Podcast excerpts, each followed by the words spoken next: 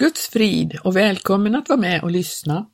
Jag heter Gertrud Johansson och jag ska idag fortsätta läsa ur boken Ett spännande liv av Rolf och Lina Wiström. Kapitel 13 Den moderna människan och Gud när dessa kvinnor satt och talade om Europa tänkte jag på hur jag själv har längtat efter att resa ut och förkunna kärlekens och försoningens evangelium i de gamla europeiska kulturländerna.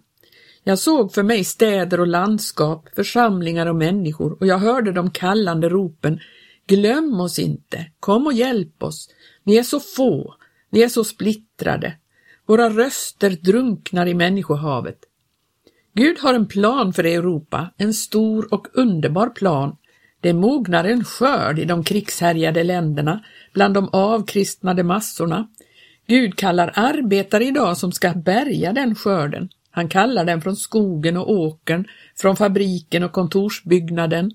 Det otroliga har skett att Europa har blivit ett missionsfält. Vem skulle ha trott det för en generation sedan? Hur har det gått till att detta Europa, som har sänt ut missionärer till hedna länderna, idag har ett skriande behov av missionärer?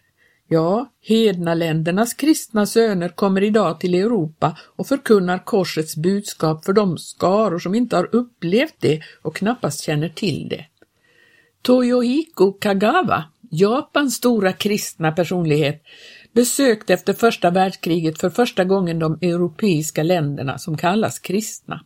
Han blev djupt besviken. Han blev skakad över det han såg och hörde. Han gick från kyrka till kyrka. Han hörde fina predikningar. Han såg stora kristna organisationer, men det var en kristendom som inte fungerade i vardagen. Den bröt inte ner murarna mellan länder och människor. Han mötte inte den kristendom han själv hade upplevt. Inte den kärleken som hade fyllt honom lik en glödande lavaström och bränt bort allt högmod och likgiltigheten för andras nöd och drivit honom från hans höga sociala ställning ner i slummen där han gav ut sig själv till sista blodsdroppen. Inte en enda gång hörde jag någon predika över texten ”Älska era ovänner”, sa han, och han uttalade ett profetiskt varnande ord till den kristenhet som har förlorat kärleken.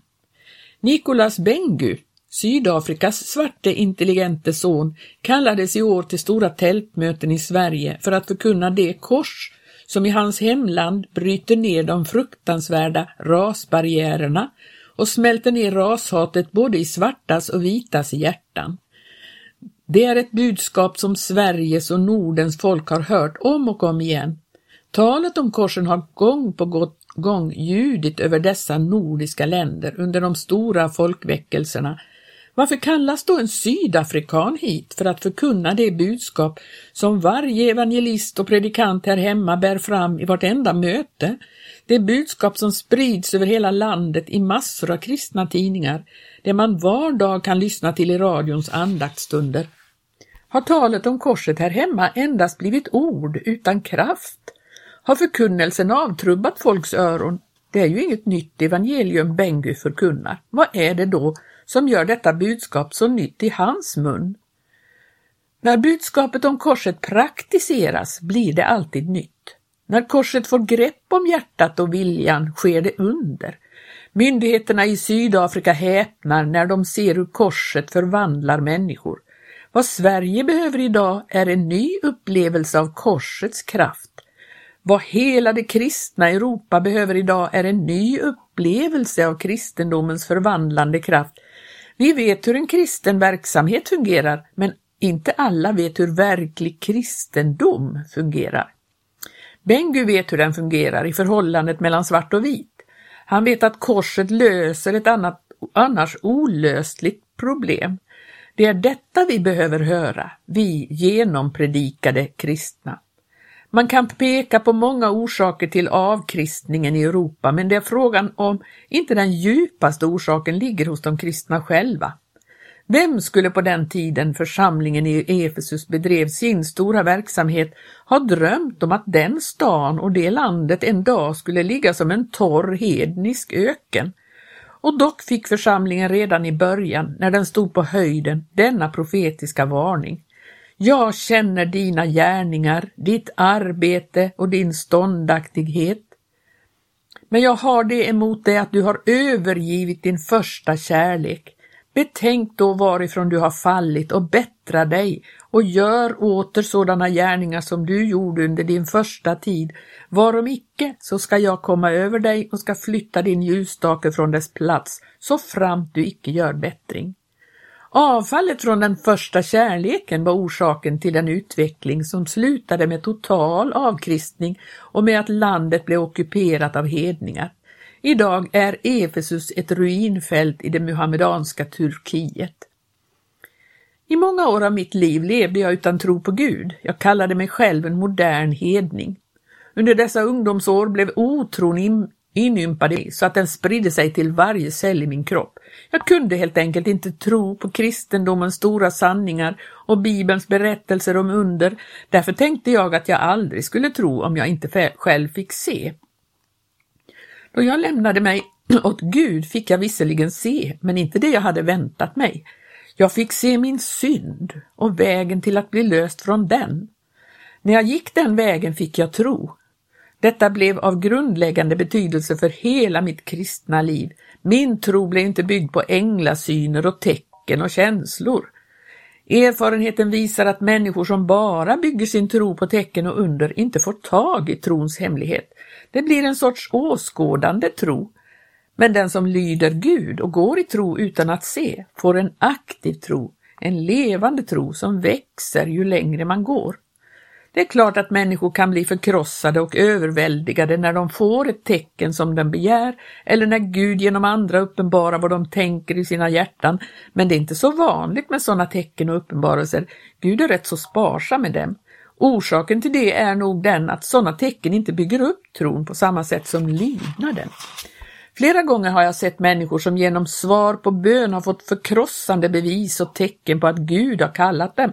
De skall aldrig kunna säga att de inte visste vad Guds vilja var, men ändå har de inte gått. De fick tecken, men inte tro. Bakom denna begäran att få tecken låg olusten att betala priset och offra sig helt. Det är inte lätt att gå i tro. I början av mitt kristna liv hände det ofta att jag bad Gud om ett tecken. Det var när jag blev gripen av tvivel och missmod. Då tänkte jag att det skulle vara så trostärkande att få se eller höra något mystiskt. Men Gud sände aldrig någon ängel till mig. Aldrig fick jag höra en röst i rummet. Jag fick ta min bibel och läsa Guds ord och jag fick bedja och vara stilla tills Guds ande talade i mitt hjärta. Sen fick jag göra det Guds ord sade och gå dit. Guds ande ledde. Det var varken mystiskt eller sensationellt. Ibland kunde det kännas både torrt och olustigt att sätta igång. Men lydnadsvägen var trosvägen och den ledde till resultat jag inte hade anat. Svårigheten med denna väg är att man måste gå den för att komma fram. Steg för steg måste man gå, i stekande sol och i hällande regn, vardag som söndag, dag och natt. Men ingen har ångrat att han gått den. Det är den enda väg som leder fram mot andliga mål. Det finns miljoner omkring oss som inte känner Jesus. Många har aldrig hört hans namn, andra känner till namnet men vet inte vad han har att ge. Inför dessa väldiga behov kan vi inte annat än fyllas av en nöd som driver oss ut till människorna med evangeliets frälsande budskap. När Gud kallade mig var det inte som evangelist eller missionär jag skulle resa ut. Jag hade ingen kristen yrkestitel. Därför var det lite svårt att redogöra för denna kallelse och hur jag hade tänkt mig att verkställa den i praktiken. Jag kunde inte gärna säga att jag skulle ut som missionär till Sverige. Norge sänder ut många missionärer, men de får åka lite längre än över kölen till grannlandet. När jag reste ut kände jag mig som en vanlig människa. Jag tillhörde visserligen en pingstförsamling, men det var inte som dess representant jag blev utsänd. Jag hade heller inte någon anställning att resa till. Jag hade inte ens ordnat med den ekonomiska sidan. Inte underligt att släkt och vänner var lite undrande hur det skulle gå. Gud kallade mig inte till hedningar som aldrig hade hört talas om Jesus. Gud kallade mig till alla dessa människor i våra kristna länder som har hört mycket talas om Jesus, men som inte tror på honom. Jag hade växt upp i ett kristet hem. Jag hade en gång haft en enkel barnatro, men jag hade förlorat den. I många år av mitt liv umgicks jag bara med människor som inte trodde på Gud. En del var hånfulla, en del likgiltiga, inga var lyckliga. Jag upplevde den moderna avkristnade människans tillstånd av ångest, meningslöshet och livströtthet. Jag hade en själ som ropade efter ljus, men i den värld jag levde härskade mörkret. Jag vet att stora skaror i våra kristna länder lever i detta mörker. De anser det för omöjligt att de ska få tillbaka sin barnatro. Men för mig blev det omöjliga möjligt. Jag fick inte bara tillbaka min barnatro, jag fick också den vuxne mannens tro. Hela mitt liv blev förvandlat. Jag fann den lycka jag hade drömt om i ungdomens år. Min tanke fick vila i Guds plan. Jag såg de stora linjerna i mänsklighetens historia från Guds synvinkel. Mitt eget lilla futtiga fattiga liv fick mål och mening. Jag fick en ny vilja, en ny karaktär. Jag blev fylld av en ande som inte bara ville göra det goda och rätta, men också förmådde det, därför att den anden var från Gud. Jag visste att det, det var detta mina kamrater längtade efter.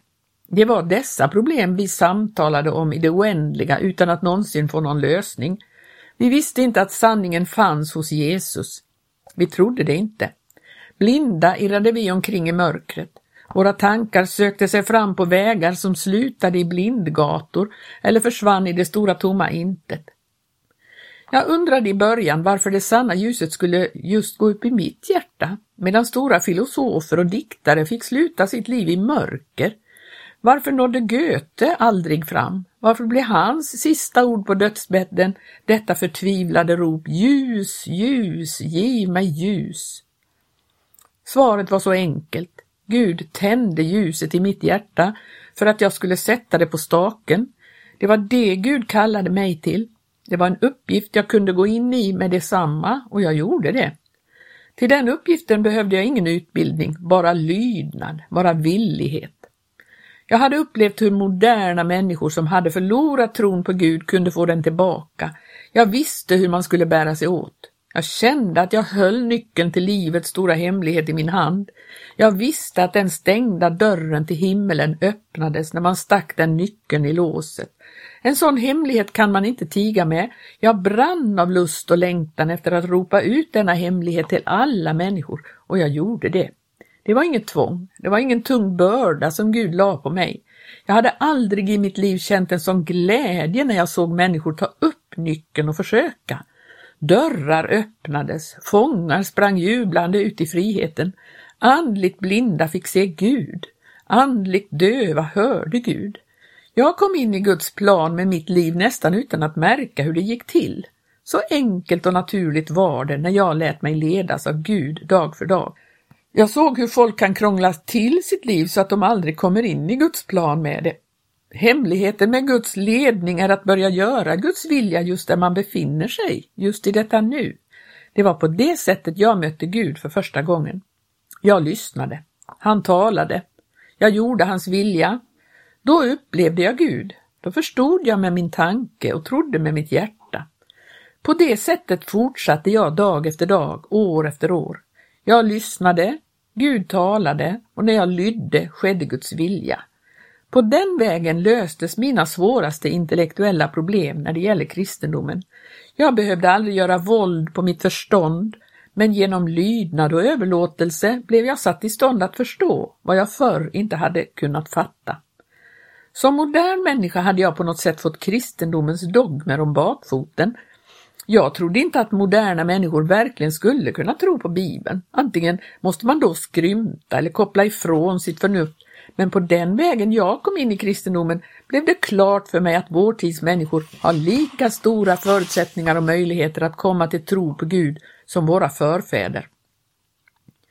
Den intellektuella, avkristnade människotypen har i sin själ ett tomrum som sträcker sig ut bortom stjärnor och nebulosor, miljoner av ljusår i fjärran. Han upplever den fasansfulla tomheten i en värld utan Gud.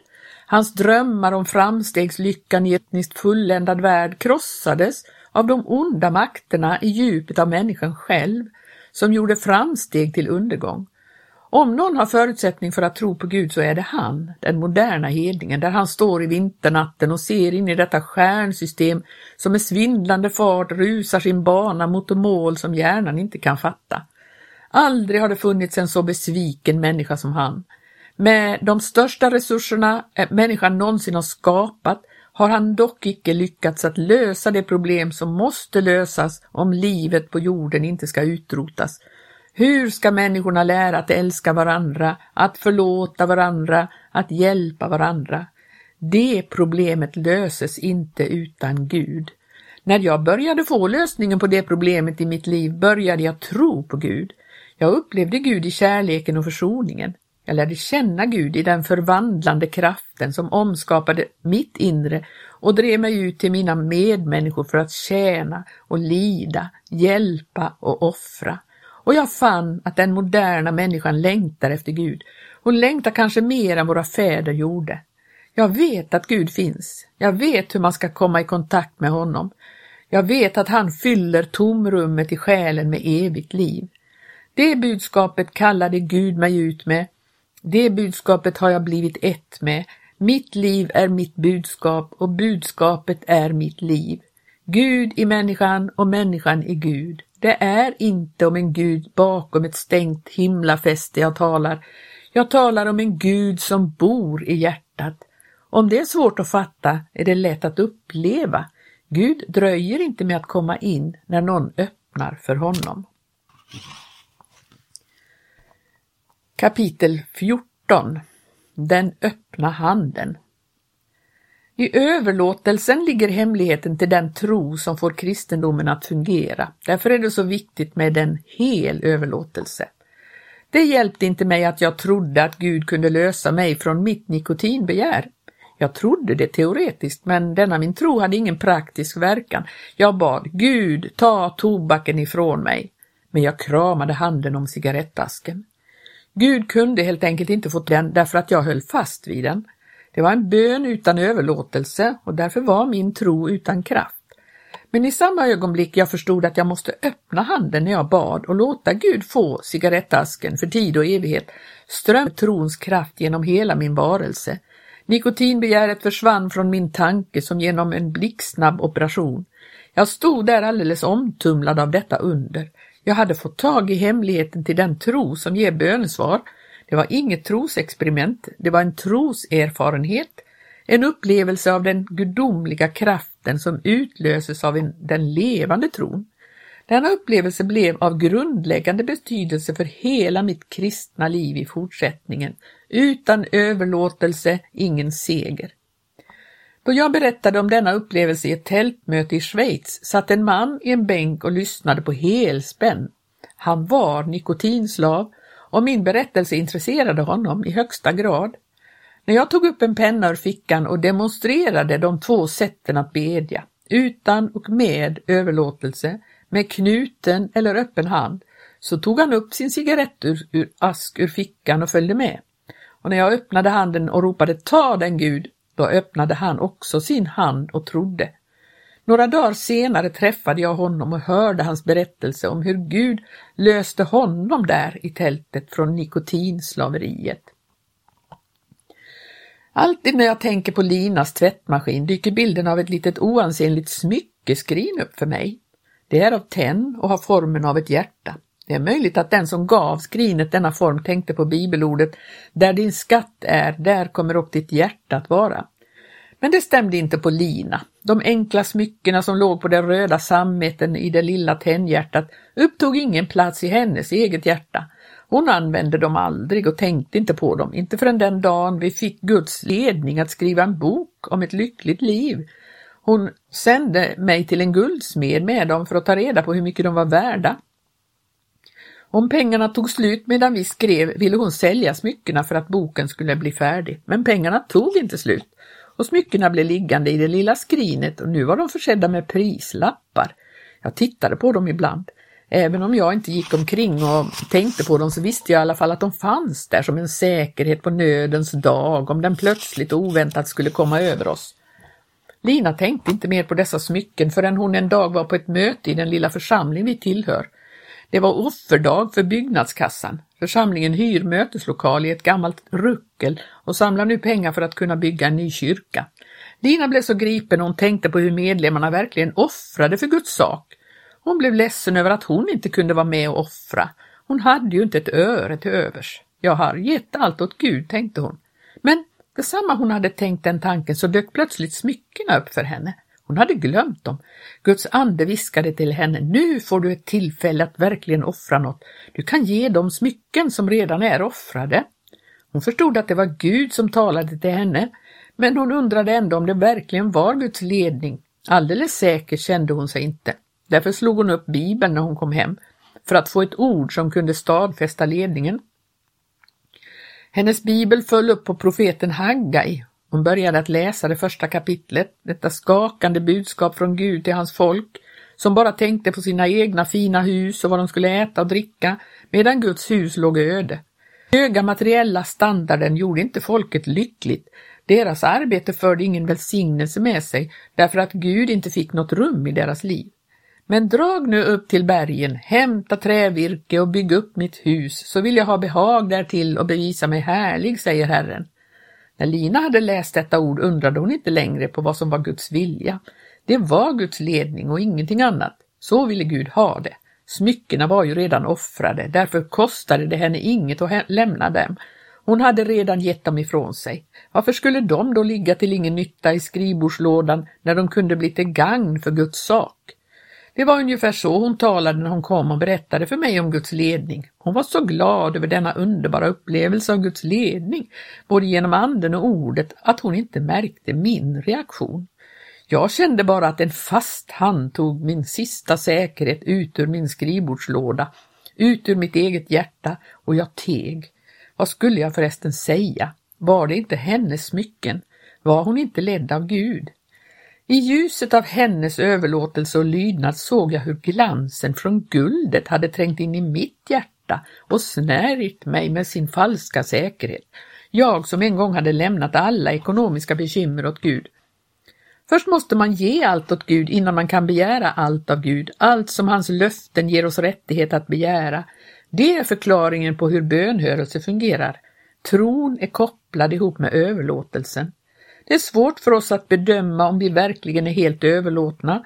Vi tycker att vi är helt överlåtna, men vi känner så lite till djupet i vårt hjärta. Den rike unge mannen försäkrade att han höll alla Guds bud. Han skrymtade inte när han sa det. Han var ingen mördare, äktenskapsbrytare eller tjuv. Han hade inte burit falskt vittnesbörd. Han hedrade sin fader och sin moder. När Jesus räknade upp alla dessa bud som han hade hållit sedan sin ungdom så nickade han och kände sig inte dömd. Han fortsatte nog att nicka när Jesus nämnde det sista budet också, du ska älska din nästa så som dig själv. Som den rättfärdige gode man han var hade han nog inga fiender han som, som han hatade. Han hade nog inget emot någon. Han älskade nog sina medmänniskor med den fromma välviljan som så lätt fyller hjärtat när man inte själv lider någon nöd. Om du älskar din nästa så som dig själv, så ge då din nästa just det som gör ditt eget liv så rikt och oberoende och bekymmerslöst. Du lever i rikedom och har ingen aning om hur den fattige känner det. Med några få ord rev Jesus slöjan från hans ögon och han såg ner i djupet av sitt eget hjärta. För första gången såg han felet med sig själv. Jesus visade honom den i sina egna ögon rättfärdige, hans synd. Och Jesus visade också hur han skulle bli löst i sitt hjärta och få det eviga livet som han längtade efter. Den unge mannen stod inför en hel överlåtelse. Valet var tydligt och enkelt, antingen hans förmögenhet eller Jesus. Djupt bedrövad gick han bort från Jesus. Efter det valet blev han en fattig man, fattig i all sin rikedom. Man kommer aldrig in i den hela överlåtelsen på teoriens väg. Det hjälper inte hur mycket man sitter och grubblar på problemet. När man en dag ställs inför ett konkret val får man ta det steget som löser banden. När man har gjort det så kommer man in i Guds ords och Guds andes kraftfält. Då lyser ordet, då leder anden, då får man se under. Gud menar inte att alla människor ska ge bort sina pengar Jesus krävde inte pengarna av den rike mannen. Det eviga livet han längtade efter kunde han inte köpa för pengar. Jesus pekade bara på den ömma punkten i hans liv. Han visade honom vad det var som band honom och hur han skulle bli löst. Lika bedrövad som den rike mannen var när han gick bort, lika lycklig var Petrus när, när han stod kvar hos Jesus. Han hade gjort vad den rike mannen inte gjorde. Se, vi har övergivit allt och följt dig. Det kan vara lika svårt för en fattig att lämna allt han äger som för en rik. Petrus hade blivit radikalt löst från den kära gamla båten och nätet och fiskarlivet. Han stod där och såg på sin älskade mästare med ögon som lyste av kärlek och en aning stolthet. Kanske tänkte han i den stunden, jag kommer aldrig att lämna honom. Men Petrus kände inte sig själv. Han visste inte vad som fanns i djupet av hans hjärta. Han hade som den rike mannen också en öm punkt. Alla har vi det, vi är bara så olika. Förr eller senare kommer den punkten i dagen när vi vandrar med Jesus. Den rike mannen upplevde att hans hjärta blev avslöjat redan vid det första mötet med Jesus. För Petrus kom den fruktansvärda upplevelsen först vid slutet av hans vandring med Jesus. När Jesus började tala om korset rörde han vid den ömma punkten i Petrus hjärta. Ni kommer alla att lämna mig, sa Jesus. Inte jag, svarade Petrus, jag går i döden med dig. Han älskade Jesus och menade nog vad han sa, men han kände inte sig själv. Han visste inte att hans fruktan en dag skulle driva honom till att förneka att han kände den mannen, inte bara en gång utan tre gånger. Den natten fick Petrus se ner i djupet av sitt eget hjärta. Han blev förtvivlad över sin feghet, sin människofruktan och sin rädsla för att lida med Jesus. Då lärde han känna sig själv och då upplevde han Jesus kärlek på ett nytt och förkrossande sätt. Allt detta hade Jesus vetat på förhand och han hade dock älskat honom. Från den dagen var Petrus helt överlåten. Vi stannar där och så fortsätter vi nästa onsdag morgon.